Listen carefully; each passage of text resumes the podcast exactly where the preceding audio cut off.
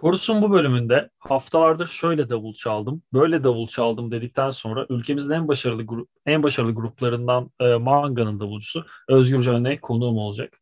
Özgürcan abi hoş geldin. Nasılsın? Umarım keyifler yerindedir. Hoş bulduk. Teşekkürler. Sen nasılsın? İyiyim ben de Özgürcan abi. Sen burada olduğun için daha da keyifliyim hatta. Hani sonuçta az önce de bahsettiğim gibi manga e, neredeyse müzik dinlemeye başladığım günden beri Türkiye'de rock müzikle e, hayatına rock müzik temas etmiş her çocuk gibi o dediğim ilk 3-4 gruptan biriydi. Ekstra da bir heyecan var içimde. Sesime yansıyorsa bir çatlamalar varsa özrüne ve affına sığınıyorum. Estağfurullah. 80'liyiz biz. 90-90 sonrası kuşak için evet öyle bir etkimiz var. Ama biraz tabii bu bende e, Moğollar, e, Cem Karaca e, havası uyandırmıyor değil. Biraz e, yaş almış gibi hissediyorum kendimi ama teşekkürler. Ne demek? Ee, on, onlar Dokunabildiğiniz bir noktada. Dokunma, dokunmama gibi şansınız yok abi yaptığınız işlerle. Özellikle az önce de bahsettiğim Şehri Hüzün benim için ekstra. Yani, e, bugüne kadar ne diyeyim yerli albümler içinde en e, hayatımı etkeden en azından 10 albümün içine rahat alırım. İlk 5'e de büyük ihtimalle dahil edeceğim albümlerden biri.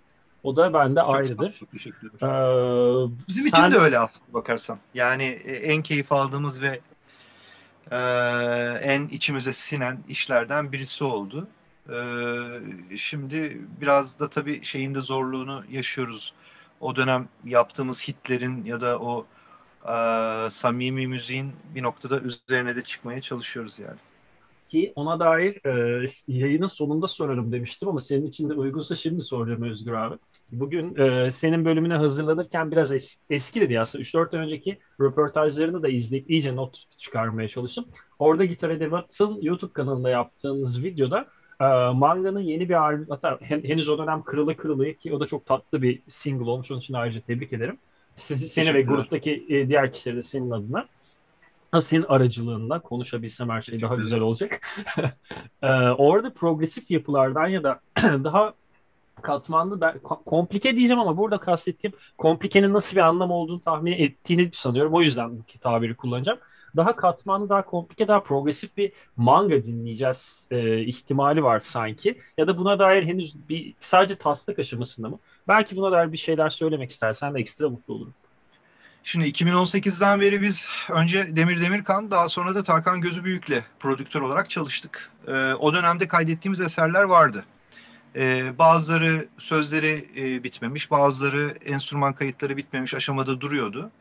Ee, pandemi süreciyle beraber e, bir o şarkıların üzerine eğildik. Ee, orada zaten hazır bir materyalimiz var. Aslında bir albümlük malzeme var orada. Harika. Artı e, Haziran ayında, geçen yıl Haziran'da e, artık pandeminin böyle hafif hafif e, o psikolojik baskısını üzerimizden atmaya çalıştığımız dönemde e, gitaristimiz Yağmur bana şey dedi. Yani biraz daha böyle kırık ritimler, farklı tartımların olduğu bir şeyler mi çalsak? Öyle bir e, double section hazırlasana dedi. E, ben de bir e, kendime en uygun metronomda en rahat e, çaldığım beşler, yediler, dokuzlar vesaire falan onları arka arkaya çaldığım bir kompozisyon hazırladım. Yağmur onları biraz kesti biçti. Üzerine bir gitar e, yazdı. Arkasından e, çıkan sonuç hoşumuza çok gitti. E, çok hoşumuza gitti. E, ve biz de e, şarkıyı e, şu anda İspanya'da yaşayan e, en son Türkiye'de Sezen Aksu ile beraber çalışmış e, Jared Cogwin isminde benim bir arkadaşım var. Perküsyon ve davul e, üstadı diyebilirim kendisi için. E, onunla bir konuşmamız sırasında onunla paylaştım. O çok heyecanlandı. Ben de dedi çalmak istiyorum üzerine. Ona yolladım. O da 4 gün boyunca üzerine 16 kanal perküsyon kaydetti. Harika. Ee, ve biz bunu böyle bir YouTube projesi falan gibi düşünürken bir anda gruptaki diğer arkadaşlarımızın da Cem'in de Ferman'ın da e, çok e, hoşuna gitti. Onlar da e, bir anda yükseldiler mevzuya ve o anda şey kapısı açıldı benim için. Ee, Özgür double kompozisyonları yazsana. Ben de bu minvalde e, 6-7 tane farklı farklı davul kompozisyonları hazırladım. E, ve dediğim gibi ortada melodi yok, armonik bir yapı yok. Ben sadece girip çıplak bir şekilde davul çaldım. Yani tabii üzerimde kıyafet vardı. Çıplak derken sadece davul çaldım. Bunu söylemek istiyorum. Ee, akabinde bunların hepsi Yağmur tarafından müziklendirildi en başta. Ee, ve bazılarını kesip biçtik, bazılarının trafiğini değiştirdik, bazılarını hızlandırdık, bazılarını yavaşlattık vesaire falan derken E, şu anda elimizde öyle beş tane. E, çok da fazla böyle e, manganın geçmişinde duymamış e, olduğunuz türde eser var. Ama bunları hala ne şekilde konumlandıracağımızı bilmiyoruz. Artı atıyorum bir şarkıda 22 tane ritim değişimi var. E, metrik modülasyon yok ama ritmik modülasyon var şarkılarda. E, çeşitli zaman geçişleri, e, iç içe geçmeler söz konusu. E, ve böyle bir müzik e, çalımından ziyade üzerinde söz yazması bir noktada e, biraz kısıtlayıcı. E, şu anda o aşamadayız ve bunu o eski şarkılarla nasıl birleştiririz diye düşünüyoruz. Çünkü 2019'dan beri antroposenfoni fikrimiz vardı bizim. Hatta e, Zorlu'da e, bunun performansını da yapacaktık. 2020'nin e, Mayıs'ında. Fakat pandemi başlayınca tabii ki ertelendi. Ee, ve aslına bakarsanız bütün bu iki projeden bağımsız olarak bir üçüncü mevzuda e, senfonik bizim şarkılarımızın senfonik e, yorumlanması, orkestral e, olarak e, bir orkestra eşliğinde, senfoni orkestrası eşliğinde yorumlanması. E, ve bu konserde aslında 10 Ekim'de olacak e, İstanbul'da. Ufak ufak da onun hazırlıklarına başlıyoruz. E, yani dediğim gibi şu anda öyle elimizde 3 tane e, proje var ve yakın zamanda bunların hepsini paylaşmak istiyoruz. Harikasınız Özgür abi. 10 Ekim'deki bu senfonik konser önceden açıklandıysa da ben görmedim. Bunun için öncelikle özür diliyorum. Henüz açıklanmadıysa da ben de biletimi alıp konser günü orada olmak için orada olurum. Belki konser sonrası sizlerle de bir de yüz yüze sohbet etme şansımız olur. İnşallah. İnşallah. Umarım. Ben de o halde istersen e, senin için de uygunsa burada bugün toplanma sebebimize e, Alex Proyas'ın 1994 yılından e, damga vuran e, belki Cannes'da ne bileyim Venedik gibi yerlerde döktürmese de gerçekten kült mertebesine ulaşmış e, efsanevi diyebileceğimizi düşünüyorum. Filmi Karga'ya yani Crow'a oradan da Crow'un soundtrack'indeki enfes işlere, oradaki gizli cevherlere doğru bir geçiş yapalım istiyorum. Benim Süper buradaki e, ilk sorum her programda olduğu gibi e, çok klasik bir yerden olacak. Bu Crow filmi çıktığı zaman izlemişsindir diye düşünüyorum. Okulu Yoksa... kırdım ben. Harika. Benim sorum şu. Hayatımda ilk okulu kırma onun, hikayem. Onun hikaye. Tam da o ve bu filmi nerede izlediğinde de bu hikayeyi dinlemek istiyordum. Sen gel. Şimdi bana e, 6 yaşındayken bir Bruce Lee filmi seyrettirdiler. E, ve ben e, o zamandan beri yani şey derler ya babamın oğlu olsa bu kadar sevmem derler ya. Yani Bruce Lee benim için böyle kült bir insan e, formunda hep kaldı. E, işte Tao of Jet Kundo kitapları, yaşamı, hayat hikayesi vesaire falan yani böyle e, özel ilgi alanım ve çok seviyorum, çok etkileniyorum. Hatta artık dayanamadım. Geçen yıl bir e, Enter the Dragon filminin e, afişindeki gibi bir ejderli Bruce Lee'li bir dövme yaptırdım falan Harika. sağ koluma. E, aynı zamanda tabii ki Brandon Lee de e, rahmetli. Onu da e, çok severek takip ediyorduk. Hem Bruce Lee'nin oğlu olmasından dolayı hem de e, ne bileyim yani çok değişik bir aurası vardı o adamın da. Ee, yani önü çok açıktı aslına bakarsanız çok acayip bir e, aktördü. Babasının izinden e, ilerliyordu.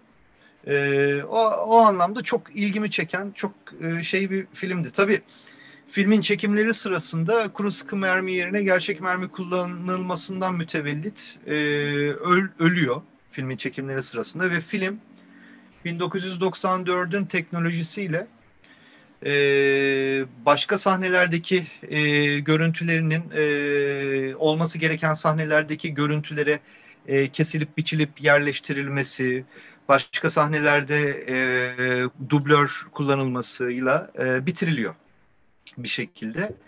Ve o anlamda da tabii daha kült bir hale geliyor. E, o anlamda çok önemliydi benim için. Ve ben film gösterime girdiğinde yani kıştı Ankara'da. E, özel bir ortaokulda okuyordum ben ve o gün bayağı bildiğin dersi kırıp gittim yani. E, okula gitmedim. Önce ilk seansa gittim. Ondan sonra da böyle muzaffer bir e, asker edasıyla sınıfa girdim falan. Herhalde orta iki ya da orta üçte falandım ben de. Ya işte okulu kırmışım, sinemaya gitmiştim. Brandon Lee'nin filmini seyretmişim. İşte arkadaşlarıma bir hafta boyunca herhalde onu anlatmıştım. Ee, öyle de bir anısı var bende. Ee, onun dışında tabii e, The Crow karakteri e,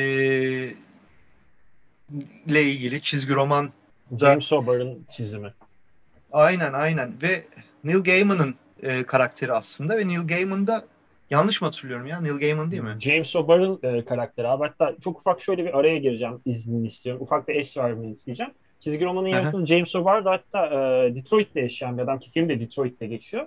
E, Detroit'te bir gün e, o dönemki nişanlısı trafik kazasında bir kamyonun altında kalıyor. Ee, ve bu kamyonun altında kalmasından sonra o travmasını atlatmak, bu nefretini bir şekilde bir e, anti karakter yani Crow'u yaratarak dışa dökmeye çalışıyor. Ki zaten buradan da e, çizgi aslında bizim bu bugün konuşacağımız albümdeki şarkılar da e, çizgi romanın yaratıcısı James O'Barr'ın o çizgi filmde kullanılan şarkıları çizgi romanda neredeyse hepsini tek tek e, yazması sonucu çıkıyor ortaya. Öyle bir hikayesi vardı da Neil Gaiman'dan etkilendiğine dair birkaç şey okudum. Ama Neil Gaiman'ın yazdığına dair bir not bulamadım. Belki benim yanlışımdır ona bir şey diyemem. Ya orada ben şöyle bir şey hatırlıyorum da e, onu şey yapacağım. Ben geçtiğimiz Şubat ayında e, Peter Murphy ile tanıştım. Aynen. Peter Murphy Bauhaus'un vokalisti ve uzun yıllardır Türkiye'de yaşıyor. Beyhan Murphy ile evli işte. Ee, ve gotik rock'ın babası olarak tanımlanan bir e, karakter ve e, özellikle The Crow'un e, yaratılması yani Eric Draven karakterinin yaratılmasında çizere şey diye soruyorlar kimden etkilendiniz ve o dönem e, bu sahneye çıkarken makyaj yapma mevzusunu ilk başlatanlar Iggy Pop ve şey e, Peter Murphy e, ve Peter Murphy'nin de hakikaten öyle bir makyajı var. Bir de aslına bakarsan şey karakteri de var Peter Murphy'nin. E, vampir. Hatta var. Bu şey Bela, Bela Lugosi's Dead dönemi Bauhaus'un. Tam o dönemlerde art, o maskeyle. Tabii, tabii. Art, hatta gotik art gotik punk gibi bir tabir var. Şu an belki e, sıralamasını yanlış söylemiş olabilirim de art gotik tabirinin kullanıldığını çok net hatırlıyorum. Ya velhasılı kelam yani Peter Murphy karakterinden etkilenildiği söyleniyor. Çünkü rock müzisyenlerinin işte 80'lerde 90'larda artık şey böyle yani o surat boyama mevzusu, makyaj mevzusu o kadar şey değilken bu adamlar ilk yapıyorlar ve Peter Murphy'den etkilenildiği de söyleniyor. Etkilenilen karakterlerden birinin o olduğu da söyleniyor ve onlara tanıştım. Ondan sonra şey yaparken de Peter'ın diskografisini incelerken de Trent Reznor'ın e, şeyi mentorlarından birisi. Trent Reznor çok seviyor. Nine Inch Nails turnelerine falan davet etmiş kaç defa. Artı The Crow'un soundtrack'indeki Dead Souls isimli Nine Inch Nails şarkısını da beraber bir düetleri de var. Evet doğru. Peter Murphy ile e, şeyin e, Trent Reznor'un. Kesinlikle. O da ee, zaten e, bu arada çizgi romanda yer alan bir kısım. E, Joy Division şarkılarını direkt yazdığı için James O'Barr ve hatta e, o yüzden Nine Inch Nails'ın o senin bahsettiğin Peter Murphy etkisinden Trent Reznor'a gittiği söyleniyor. Evet, evet. O cover'ın. Evet, evet. evet. Velhasıl kelam durum bu. Yani e, böyle e, iç içe geçmiş bir kader silsilesi, Bruce Lee sevgisi, yok e, etkilenildiği karakterin e, bu Peter Murphy olması, işte benim daha sonra uzak doğu sporlarına olan merakım falan derken soundtrack böyle benim hayatımın fonu gibi oldu. Yani çünkü içinde çok e, acayip böyle e, etkili, keyifli e, riffler var, e, çalımlar çok acayip. Artı şimdi soundtrack'ten ziyade bir de filmin e, kendi film müziği var ya Dem denilen Hı-hı. işte. E, o da mesela çok etkileyici. Sinema sinematik e, müziği mi diyelim ne diyelim? Sinema, ee, e, sinematografik bir sinematografik değil, sinematik müzik daha doğru tabir doğru. Hatta bu It Can't, It Can't, It Can't Rain All the Time e, noktası hatta. Hatta bu Victims e, ilk öldürdüğü karakterde bu canlandıktan sonra diyor ya Victims aren't we all diye bir alıntısı vardır. E, siyahi karakteri öldürdüğünde Eric Draven. Orada başlar evet. zaten o dem iyice öne çıkmaya. Ki zaten onun hemen ardından o dem geldikten sonra e, The Cure efsane, The Cure'u da belki birçok kişinin Burn, Burn başlıyor Burn. işte. Ki zaten Ama bu film öncesinde, özel. onun öncesinde Karga'nın tam cinayetin olduğu gece uçtuğu, filmin girişinde uçtuğu ve Duduk. Onu da Ivan Gasparyan çalıyor herhalde. Yani o bahsettiğim film müziği. Aa, ee, yani filmin tema müzikleri asıl soundtrackler değil de e, o e, filmin müziklerini de yani filmin film müziklerini de Hayko vermişti bana. Aha. Bundan 10 15 14 14 ya da 13 yıl önce e, eşlerimiz e, tanışıyordu.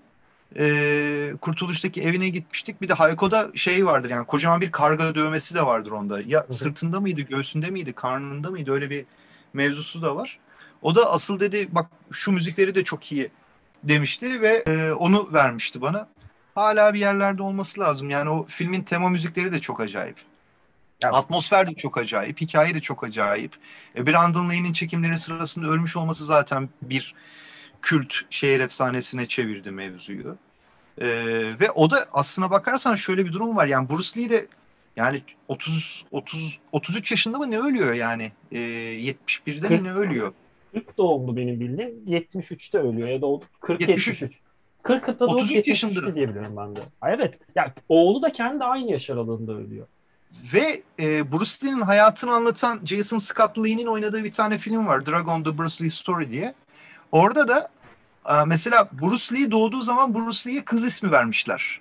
Çünkü ailesi e, ailenin üzerinde bir lanet olduğunu ve erkek çocukları olursa şeytan varmış bunların peşinde bir tane onu bırakmayacağını falan düşünüyor ve Bruce Lee'ye 6 yaşına kadar bir kız ismi veriyorlar. Kız gibi giydiriyorlar. E, şeytandan saklamak için. Batıl inanç yani Çin'de de var, Hong Kong'da da var. Ve ondan sonra da biraz kendini koruması için işte Ip Man'ın yanına veriyorlar. Orada Wing Chun öğreniyor. Ondan sonra gerisi zaten e, efsane yani hikaye.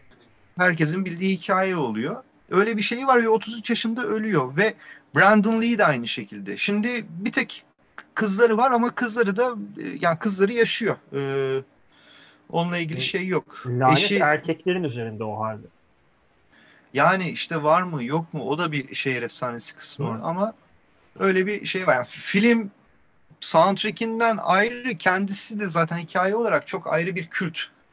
Ve e, o anlamda da çok popüler kültür açısından çok önemli gibi geliyor bana. Kesinlikle aynı fikirdeyim. Ee, ki benim de ilk izlediğimde ben de lisedeydim. Hani yani elbette yaş sizlere göre çok daha küçük ama hani benim de sinema ve daha rock müzik ya da daha gotik atmosferlerle tanıştı. Edgar Allan Poe'nun hayatıma dahil olması vesaire. Tam işte 2011, 2012, 13, 13 14 yaşlarıma denk geliyor. Tam o dönemlerde Crow'u izlediğimde şunu hatırlıyorum. Bir hafta boyunca etkisinden ilk çıkamadığımı ve e, o etkisinden çıktığımda daha iyi anlayabilmek için o ilk izlediğim ay içinde 4-5 sefer o aynı filmi izlemiştim.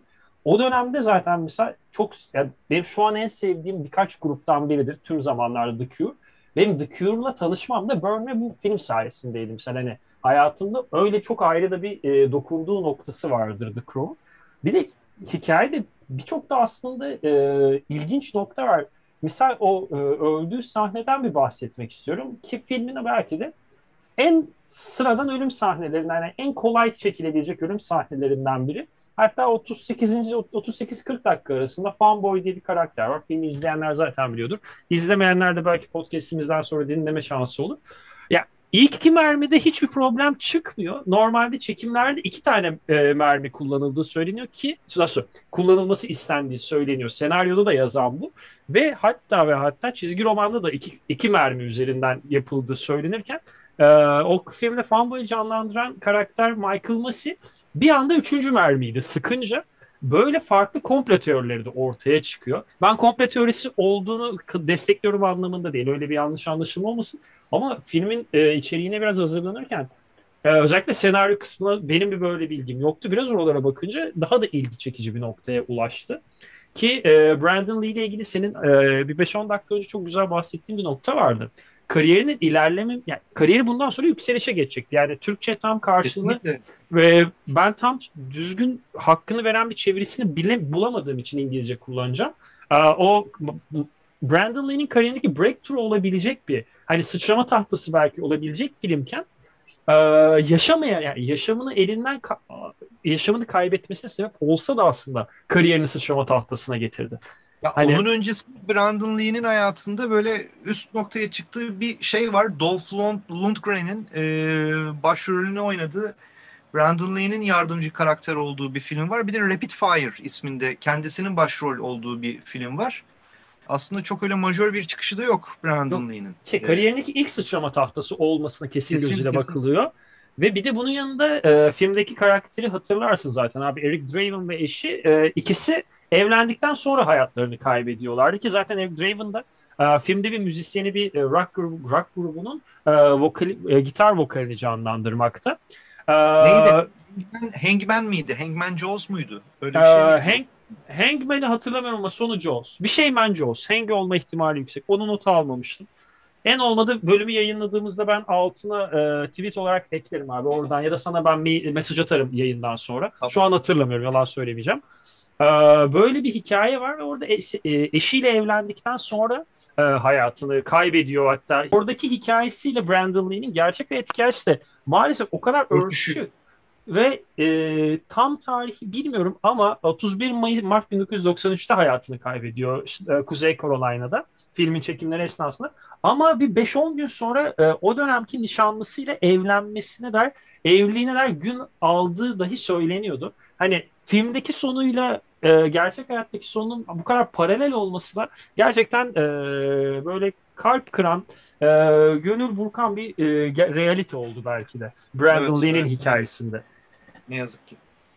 Buna Ya şarkı... ben her ölüm, ölüm yıl dönümünde bir yerlerden işte denk geliyor fotoğrafları şu su bu su falan filan paylaşıyorum ediyorum falan. Yani abi herif yakışıklı yani filinta gibi resmen böyle bir ateş parçası ama yani o, o da mı 33 yaşında ölüyor yani? O Şaka gibi. 28, 28 abi. Hatta 28. ona dair de bölüme çalışırken şöyle bir bir kitapta okumuştum bunu. Kimin kitabı hatırlamıyorum. Belki bilen dinleyicilerimiz varsa söyler ya da belki sen okumuşsundur abi onu da bilmiyorum. Şöyle bir tabir vardı. Bir insan yaşadığı sürede süre kadar oldu dünyadan ayrılalı diye.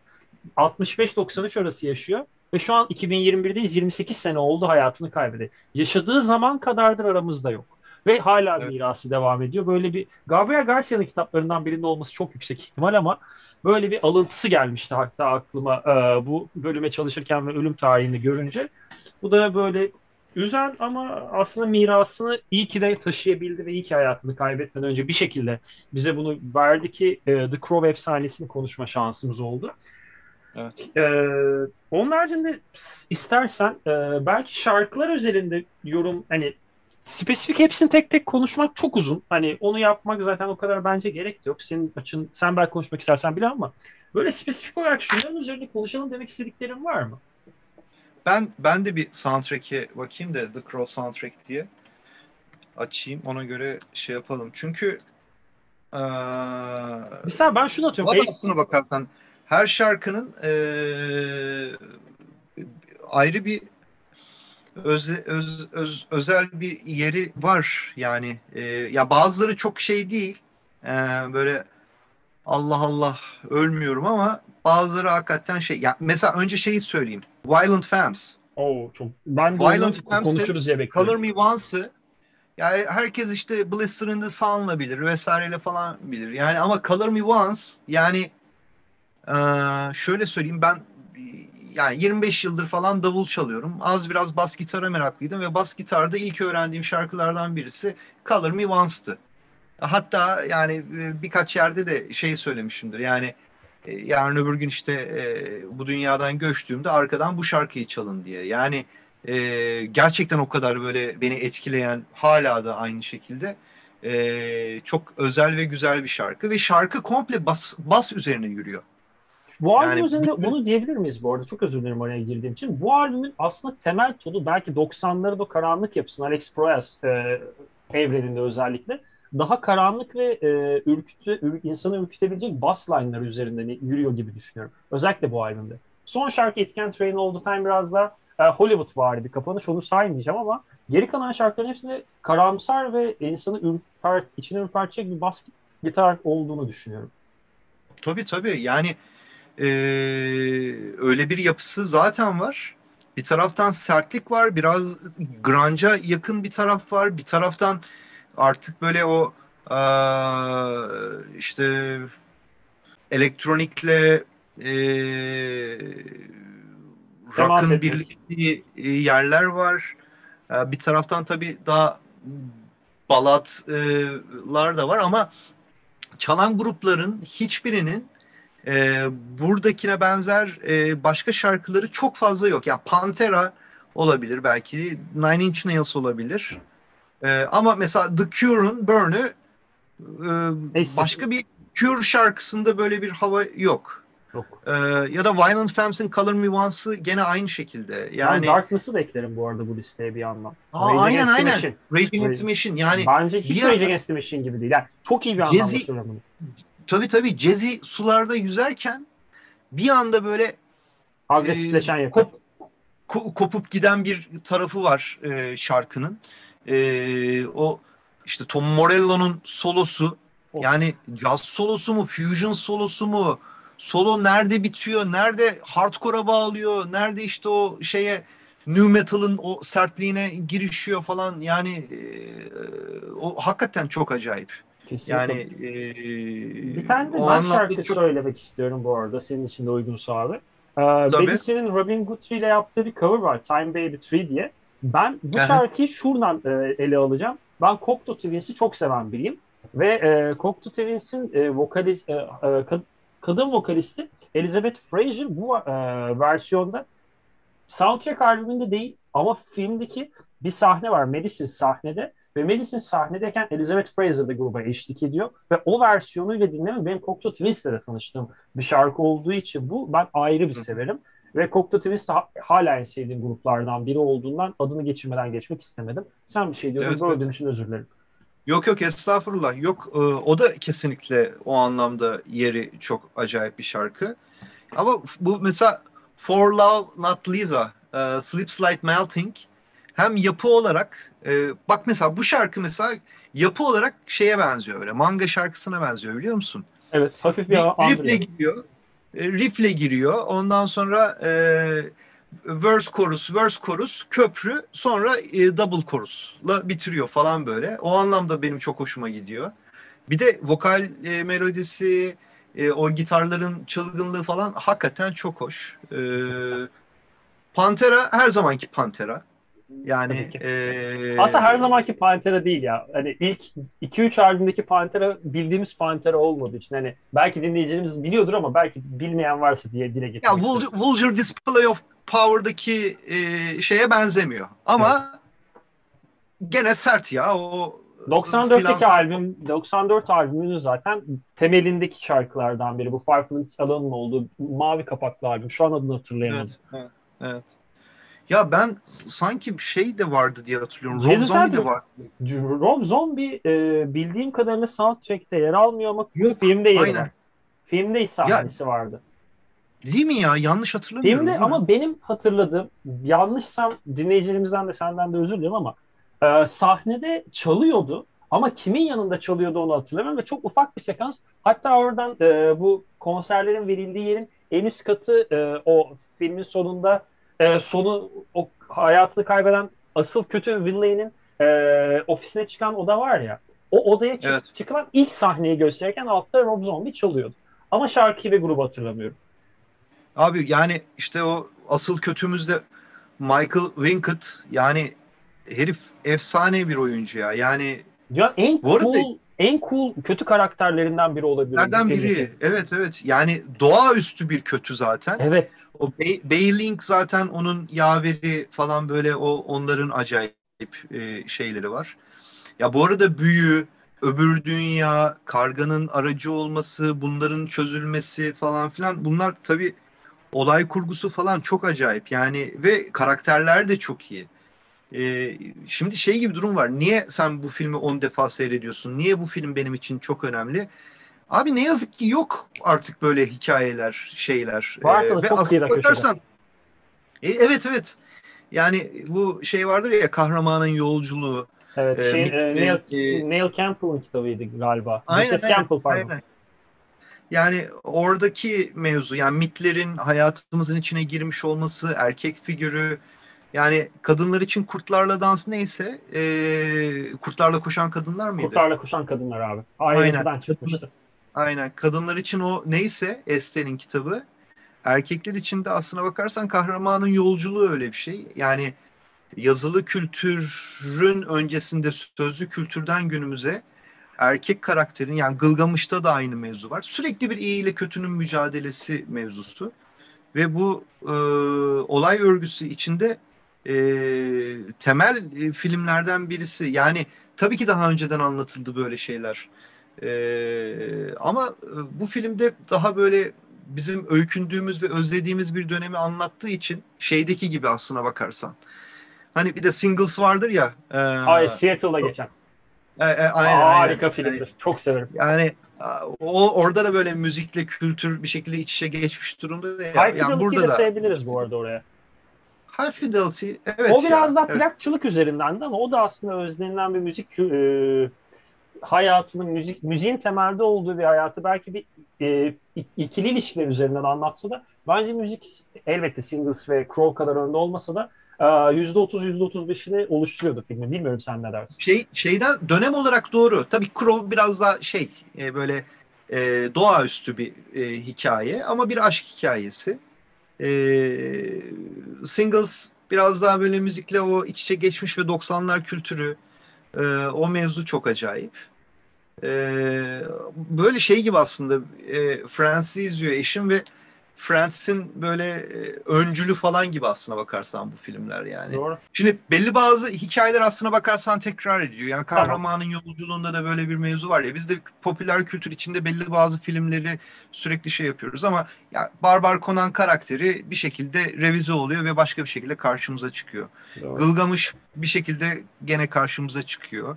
İşte Friends'i izliyoruz ya da ne bileyim Sex and the City işte hanımlar çok beğeniyorlar vesaire falan ama e, ha Barbara Streisand filmleri aslına bakarsan Sex and the City'nin öncülü gibi. Hatta karakterler ve ilişkilere bakış açısı, New York'taki yalnız kadın vesaire ilişkilere bakış açısı falan belli bir noktada şey yapıyor, örtüşüyor da. Bunu yakın dönemlerde Noah Baumbach'a ekleyebilirim. Erkek perspektifinden. Erkek Hangi? perspektif Noah Baumbach. Bu ha. e, şey Marriage Story'yi çeken adam. Ha, evet, evet. Ben ee, onu bir, izlemedim ben. Doğrudur abi. Fırsatın olursa bu arada bakmanı öneririm. O da ben, ayrı bir konu. E, yok. Fırsatım da vardı da izlemek istemedim işin Türkçesi. Çok böyle şey. Ee, Sana ilgini çekmedi. Evet, evet. Anladım, doğrudur. Ee, şey abi ya klasik teklif var ısrar yok tabiri vardı ya çok böyle alakası yerde kullanılsa da tam olarak Aynen. öyle bir durum. Benim kastetmeye çalıştığım nokta aslında şuydu onu söylemek istedim. O bahsettiğin yönetmeni ben hiç izlemedim bu arada. Hani hakkında bir şey diyemem. Ama izleyeceğim senden e, yayından sonra bir iki filmini önermek istersen de seve seve alırım. Noah Baumbach'ı ben şu yüzden sev, seven biriyim. E, bir erkek perspektifinden kadın hikaye, kadınların temelde olduğu hikayeleri e, abese kaçmadan, karikatürize etmeden ve sa, e, gerçekten hayatın içinde bir akışta da e, gösterebilmesi sebebiyle aslında Noah Baumbach'ın adını geçirmek istemiştim ben. Benim evet, noktam evet. oydu. Sinema dedik. Sinema ilerlerken o zaman Alex Proyas'tan da biraz da bir filminden daha ben bahsetmek istiyorum. Sen de ister, seviyorsundur belki. Dark City. Şimdi ben de tam onu açtım. Alex Proyas başka neler çekmiş, ne yapmış diye. Hatta Dark City'nin şu an dizisini de çekiyor. 2022'de e, HBO'dan yanlış. Ya da ya HBO ya da e, şeyden Apple'dan çıkacağını hatırlıyorum. Dark City e, şöyle bir şey vardır. Matrix'in öncüsü olduğu Wachowski e, o dönemki biraderleri, şu dönemki e, kız kardeşleri etkilediği söylenir. Özellikle son 25 yıldan olduğu için yakın dönem bilim kurgu olarak ele alabileceğimizi düşünüyorum. Yakın dönem bilim kurgu sinemasında benim en etkilendiğim 2-3 e, filmden biridir. Ve Crow'dan hemen sonra ki Crow'da yaşadığı Brandon Lee trajedisinden hemen sonra yine bu kadar zor, riskli ve e, kuma, her anlamda hem insan hayatıyla hem maddi bakımdan kumar oynayacak bir film e, yapma ateşi, o e, tutkusu ayrı takdir edilesi, yaptığı iş ayrı takdir edilesi bence. Dark evet, City'ye dair senin yorumlarını da duymak istiyorum abi. Hani Crow dedik, Alex Proyas'ın adını geçirdik de bir en azından bir tane daha filmde bir konuşalım. Abi ondan ziyade Dark City'yi ben hatırlamıyorum. İzledim mi onu da bilmiyorum var ya. Ee, doğrudur. Ben bu arada Alex Proyas'ın sadece bu iki filmini izledim. Diğerleri genelde olumsuz eleştirildiği için bakmamıştım. Ama varsa senin... Abi bilmiyorum. ama bak şeye bakınca iRobot var ya. iRobot'un dizisini mi? Yo film iRobot. Ha, ay ben Mr. Robot'la kar... Abi izlemedim iRobot'u. iRobot'a dair... Bill, Smith. İzlemedim. O zaman ben bir e, günah çıkarıyorum izninle. E, Isaac Asimov en sevdiğim e, bilim kurgu kitap serisinin Vakıf'ın yazarı. Ki hatta dizisini gerçekten gün sayarak bekliyorum. Ama iRobot'u hala okumadım ve çok beğenilen ve herkesin önce oku dediği bir eser olduğu için filmini benim yıllardır listemde kitabını okursam diye bir noktadayım. Ama bir utandım şu an karşında senin. ha, yok canım utanacak bir şey yok abi. Yani bütün külliyata hakim olacağız diye bir şey yok. Akıllı adam her şeyi bilir fakat ayrıntılarıyla değil yani yapacak bir şey yok. E öyle öyle. İşte benim program Dark biraz of... böyle detaylara girme tem- temelli ya abi. Benim biraz işimi zorlaştırdı. Yani e, bak Dark City'yi mesela ben şimdi yazdım bunu izleyeceğim en kısa zamanda.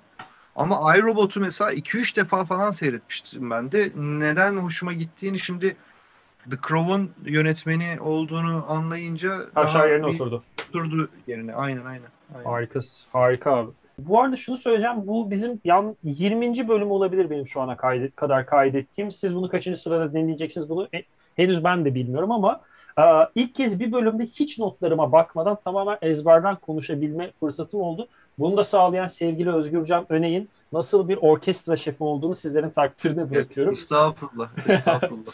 ha, bu arada soundtrack'e geri dönecek olursak Stone Temple Pilots var abi. Grunge, Ona dönmeye grunge. çalışıyordum. Ona dönmeye çalışıyordum. Bir şey unuttum ben konuşmayı diye. Teşekkür ederim.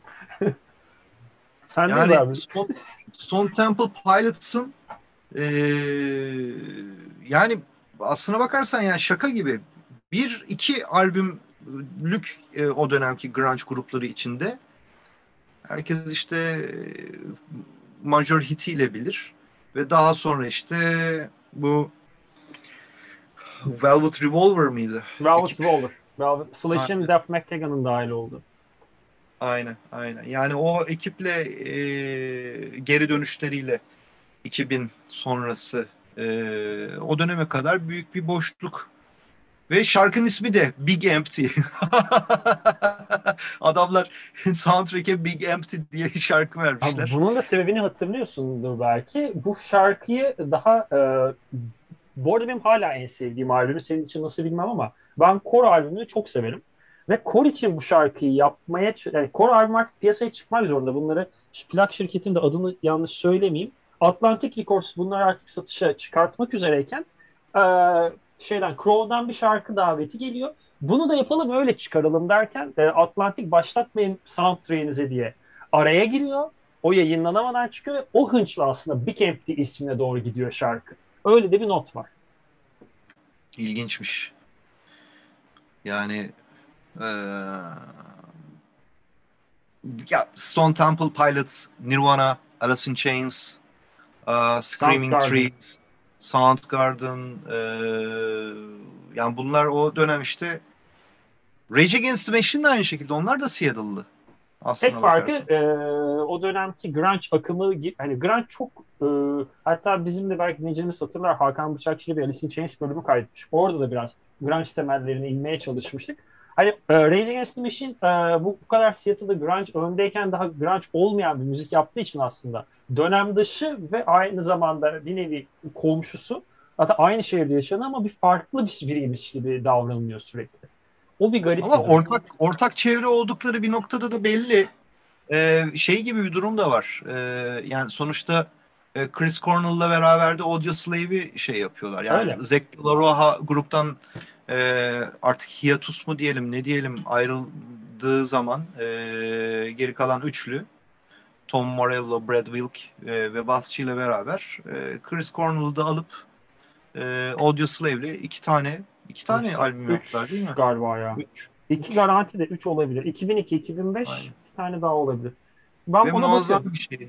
Yani ve şey gibi bir durum da var. Yani Chris Cornell'ın intiharı, onun e, doğum gününde mi, ölüm yıl dönümünde mi ne? Chester Bennington, Chester doğum gününde. intihar etmesi falan ya da artık intihar mı ne bilmiyoruz yani böyle saçma salak şey e, kader silsilesinin birbiri içine geçtiği bir e, ilginç bir durum var yani orada da domino taşı etkisi yaratıyorlar birbirlerinin hayatında belki de. Ki zaten Aa, çok yakın iki dost olduğunu en azından dışarıdan bildiğimiz kadarıyla Chris Cornell ile Chester Bennington öyle. Ki Chester Bennington'ın evet. da bildiğim kadarıyla yanlışım varsa lütfen düzelt abi. uzun süredir majör depresyon ve hani üst çok ağır e, antidepresanlar kullanmalı bir majör depresyon geçirdiği için o evet. travma etkisiyle hayatını kaybetti. Kendi hayatını sonlandırdı da söyleniyor ama kendi hayatını sonlandırmasının tırnak içinde Kurt Cobain'in sonlandırması gibi parmak olabileceği de söyleniyor. Bakalım. Ya onu da bilemiyorum. Bir şey diyemem. Ama ikisinin de ölümü de iki ay araylaydı. 2017 yılında bu müzik türünü seven insanlar için bir tokat etkisi yarattı. Evet, yani evet. çok çok acı bir durumda o da. Ki mesela biz şu an 2021'deyiz. Bir ay olmamıştır galiba. Bir 20 gün önce Joy Jordison da e, o da ağır bir hastalık geçiriyordu artık. O da hayatını evet, kaybetti. Evet, evet, yani evet. Gerçekten e, ne diyeceğimi çok bilemedim yaptıkları ben, müzikler, yaptıkları işler e, bir şekilde hayatımızda devam Joy Jordison'ın şeydi yani o e, nadir bir MS türü e, sebebiyle e, hayatını kaybetti. Gruptan ayrılması da e, evet. o sebeple. Abi, tabii gruptan ayrılması belli bir noktada Amerikan endüstriyel müziğinin geldiği durumu da özetliyor.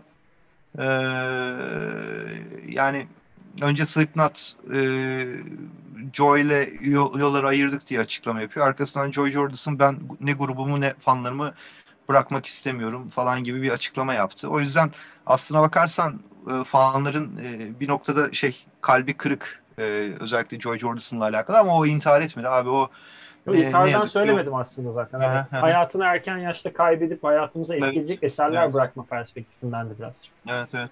Ben ge, öldüğü hafta o bir, e, Kerrang dergisinde onun bir röportajı ve seçtiği 10 şarkıyı buldum. Onları çaldım radyo programımda.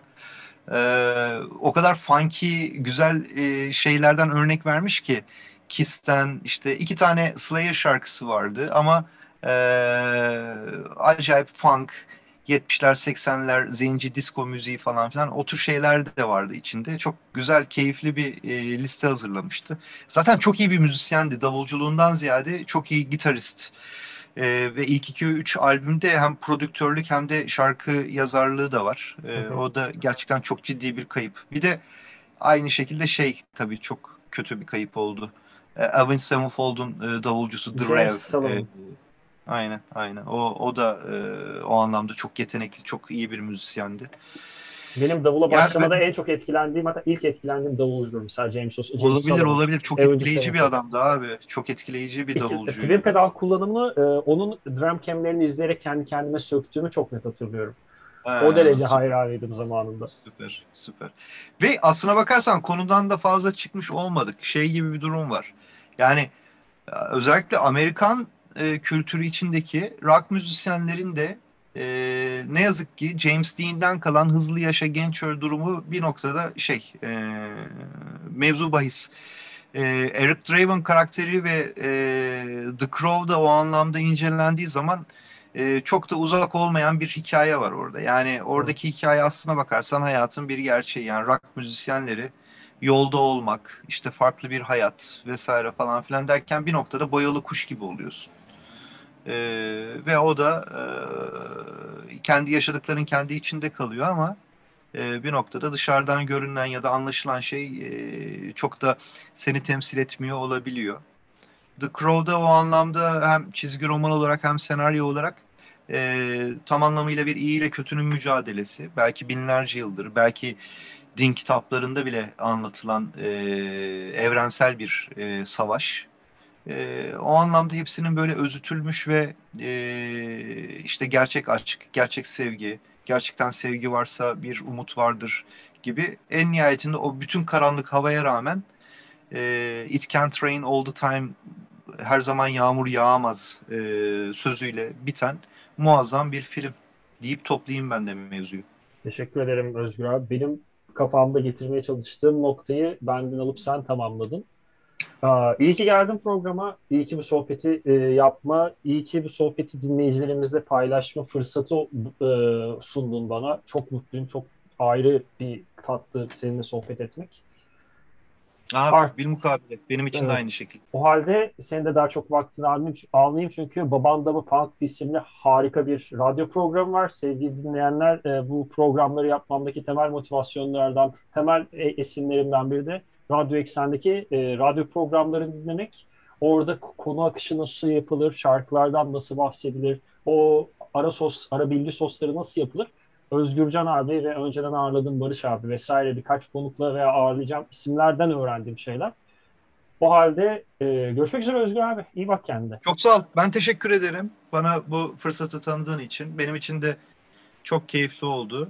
Yeni şeyler de öğrendim sayende. Bildiklerimi hatırladım izleyecek yeni şeyler buldum, dinleyecek yeni şeyler buldum. Belki programda da çalacak yeni malzeme de bulmuş oldum sayende. İhtiyaç halinde camı kırabilirsin abi. Yakın dönemde fırsatın ol, din, dinleme şansın olmuyorsa yeni dönemi her hafta ben bir tane e, best of'umdan gönderirim sana. tamam, tamam süper olur. Harika. Çok Sizlere de korusu dinlediğiniz için çok teşekkür ederiz. Ee, yeni bölümlerde, yeni konuklarla ve yeni albümlerle tekrar karşınızda olacağız. Kendinize iyi bakın, hoşçakalın.